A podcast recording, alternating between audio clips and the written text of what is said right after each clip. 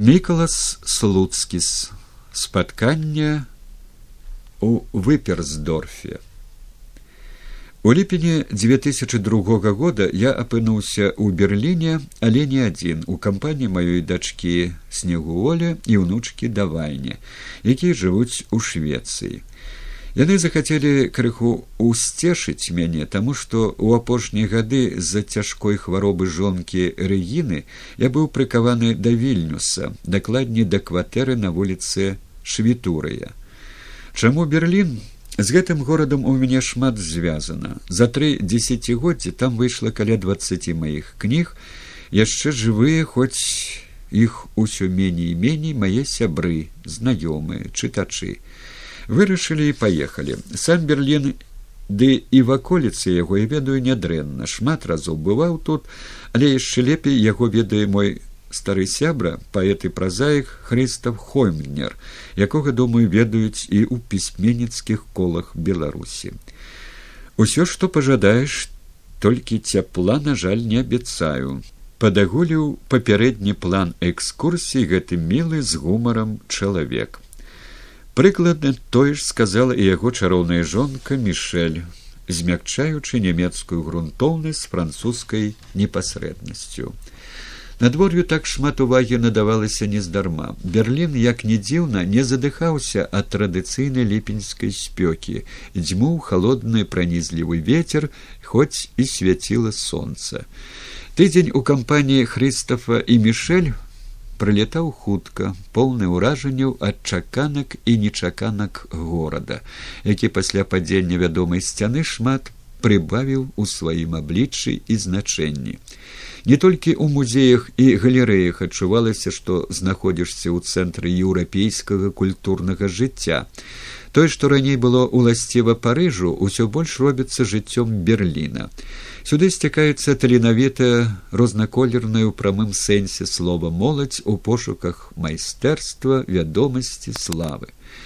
Не апошняе месца ў культурным кругавароце гэтага адкрытага горада займаюць дзейчы мастацтва розных краін, якія па сваёй воліці вымушана выбіраюць яго месцам свайго жыхарства. Багатыя музеі, канцэртныя залы, кніжныя магазины ўсё ж не засланяюць сумных уражанняў творы мастацтва напрыклад кніга якая асабліва цікавіць нас пісьменніку тавар побач з іншымі таварамі і под прыгожай часам нават ашаламляльнай вокладкай хаваецца страшчэнства патурання нізкаму густу. Пісьменнікі болей не прарокі і дзякуй богу. Кніга сур'ёзная калі не хаваецца за фалды постмадэрнізму ці акультнай чытаніны. Павінна змагацца за сваё існаванне у гэтым калі пішаш не дзеля грошай або славы таксама можна знайсці задавальненне бо і ў такім выпадку ты зусім свабодны але гэтае але актуальнае ўсюды. Попыт занадта часта падуладнай сенсацыі а моду дыктуе рынок вядома гэта ставіць перад цяжкім выбарам усіх пісьменнікаў асабліва тых хто шмат сіл аддаў руху за грамадзянскія і асабістыя правы чалавека. Застацца самім сабою просячы прабачэнняў чытачоў якія ўсё меней чытаюць але па-ранейшаму паважаюць пераймаюць новыя правілы гульні. Пра гэта я немало чуў у берерліне дзе ўсё гэта не менш актуальнае чым на ўсходнееўрапейскіх краінах Пра гэта спрачаемся ў літве. Пра гэта будзем гаварыць і з чалавекам, пра якога я збіраюся расказаць. Як быццам усё, што нас цікавіла, пачынае аседаць у памяці быццам ужо дыхнула домам, які заўсёды мілейшы здалёк і рай і неба таксама далёкі. А Хрыста, прыехаўшы ў гатэль, прапануе: ці не пракаціцца нам за горад. Добра, але куды? У сан-сусі толькі што былі кругаля па вадзе вакол берліна зрабілі што яшчэ калі наперадзе тэгель адтуль заўтра для тайму вільнюс? Хрыстав толькі загадкава усміхнуўся. Германія багатая краіна. Заўсёды знойдзецца што небудзь цікавае і паехалі. Мільгаюць бензакалонкі, утульныя забегалаўкі, неўзабаве і яны знікаюць. Едзем і едзем ваколіцы ўжо яўна не берлінскія. Палі пералескі хутары пад чарапіцай, звычайная германія і раптам памаячыла штосьці наперадзе выплыла самавітая агароджа на ёй дошка шлос віперсдорф замак выперсдорф а ў глыбіні за дрэвамі і клумбамі з кветкамі белы палац у строгім класічным стылі. Углядаемся і бачым пажылога высокага мужчыну каля ім жа расчыненых варот. Хрыстав нічога не тлумачыць бяжыць да мужчыны яны абдымаюць відаць даўнія сябры. Амаль адразу ж чую вушам сваім не верачы знаёмы гучны з хрыпінкай голас снягут якая радасць а дзяўчына побач з табой ці не сястрычка побач заліўшыся чырванню стаіць вядома ж семнаццацігадовая дачка снегу волі якая неўзабаве павінна скончыць гімназію у упсале. Але ж гэта сапраўдная прыгажуня чую той же голас. Сцэна быццам з рамана але тут піша само жыццё насуперак няўмольнаму часу. Вось сузрадавала мяне снягута. Снягутай называў маю дачку адзін толькі Васіль быкаў. Шмат гадоў таму назад, калі па дарозе з Масквы ці мінска ўгродна начаваў нас на швітуры. Дзяўчынка заўсёды саромілася гасцей. У яе з малых гадоў быў абвостраны нюх, яна адрознівала людзей па паху. З Васілём яна паводзіла сябе вольна, размаўляла смяялася. Калі мы сказалі пра гэта васілю ён ад душы зарагатаў. Ну што ж пастараюся сняготу не расчароўваць. І ён памахаў у паветры сваімі моцнымі чыстымі рукамі. Тут нашла моя чарга і шчыра скажу не знайшлося слова ні ў мяне ні ў яго. Василь вандраваў па еўропе я поседам сядзеў у вільнюсе а нечаканая сустрэча быццам касой знесла гады пошукі расчараванні і упартасць застацца вернымі свайму голасу. Зноў мы былі маладымі літаратарамі якія адчувалі патрэбнасць абнаўлення яшчэ задоўга да таго часу які пазней назавуць перабудовай. Магчыма я памыляюся магчыма гэта ўжо ад уздзеяння яго кніг пра чалавека на вайне але здаецца василь тут быў у палінялай гімнасцёрцы ды і я не ў параднай пары. Строгі разважлівы без ніякай фанаберы і юнак такім ён заўсёды будзе здавацца мне.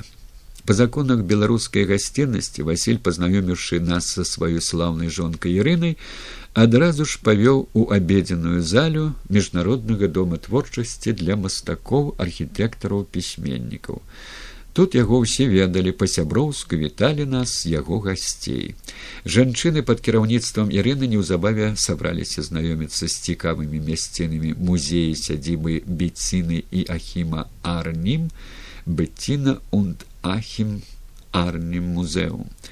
Хрыстаў гуляў адзін, а мы з вазілём заселі з бутэлькай віна, услед за якой з'явілася яшчэ адна, якую ён прынёс з буфета.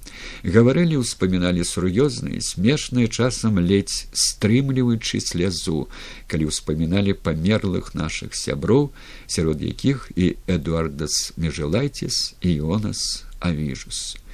Нягледзячы на гуртавы метад склікання ў Маскву пісьменнікаў тадышніх рэспублік, нягледзячы на казёншчыну тых афіцыйных сустрэч, з імі звязаны шмат добрага. Там сустракаліся і завязвалі сяброўства многія пісьменнікі, чые парыванні і таленты патрабавалі узаемнай падтрымкі. Так не памятаю ўжо на якім пісьменніцкім сходзе здружыліся мы з васілём было цікава даведацца пра яго думкі аб многім а яму здаецца пра мае пачуццё локця захоўвалася і тады калі сустрэчы сталі радзейшыя а потым і наогул перасталі сустракацца. Зрэдку прывітанне здалёку праз знаёмых і незнаёмых. І вось мы зноў сядзім, разважаем, п'ём, хоць ні я, ні ён, здаецца, гэтым не злоўжывалі ні ў мінску, ні ў вельнісе, дзесьці ў германії василь усё парываўся паказаць мне жытнёвае поле адразу за паркам за дзівоснымі дрэвамі і кустамі. Яшчэ перад гэтым пра тое жытнёвае поле паспела нам шапнуць і ірына. Бывае стаіць слухае шэпт каласоў а калі ўсё прыбрана ён на тое творца усё роўна слухае чуе здыхае. На гэты раз гутарка зацягнулася, жытнёвае поле так і засталося як вобраз, які асвятляе ўжо не літаратурнага героя, а самога пісьменніка. Я ведаў ужо, што Васіль хворы, але хваробе не патакаў. У доме творчасці займаўся менавіта творчасцю. Нельга было не здзіўляцца яго мужнасці без позы, яго таленту без аглядкі на моду. Такім яго любілі ў нас у літве дзе выйшлі пачынаючы з 1964 года яго вядомыя трэція ракеты сотнікаў абеліск. 1974 пайсці не вярнуцца воўчая з граем 1984 альпійская балада ізноў воўчая з грая 1995 а тое што не было перакладзена на літоўскую мову чыталі на рускай Ён падабаўся літве, літва падабалася яму. Яго шанавалі ў поравень з рэмаркам, а па-мойму яго Васілёва праўда пра вайну і чалавека у шынялі, куды болей праўдзівыя без лішняй стылізацыі і манернасці. Мы ад'язджалі з выперсдорфа расчуленыя, несучы з сабой цяпло рукі гэтага мужнага чалавека і пісьменніка. Потым прыйшлі здымкі, зробленыя вернай яго спадарожніцай ірынай. На апошні калядныя святы прыязджалі снегуоля здаванней ужо студэнткай. І мы зноў успаміналі Берлін добрага самарыцяніна Хрыстафа, які махаў нам услед і Васіля у абдымку з ірынай, які жадалі нам добра город вильнюс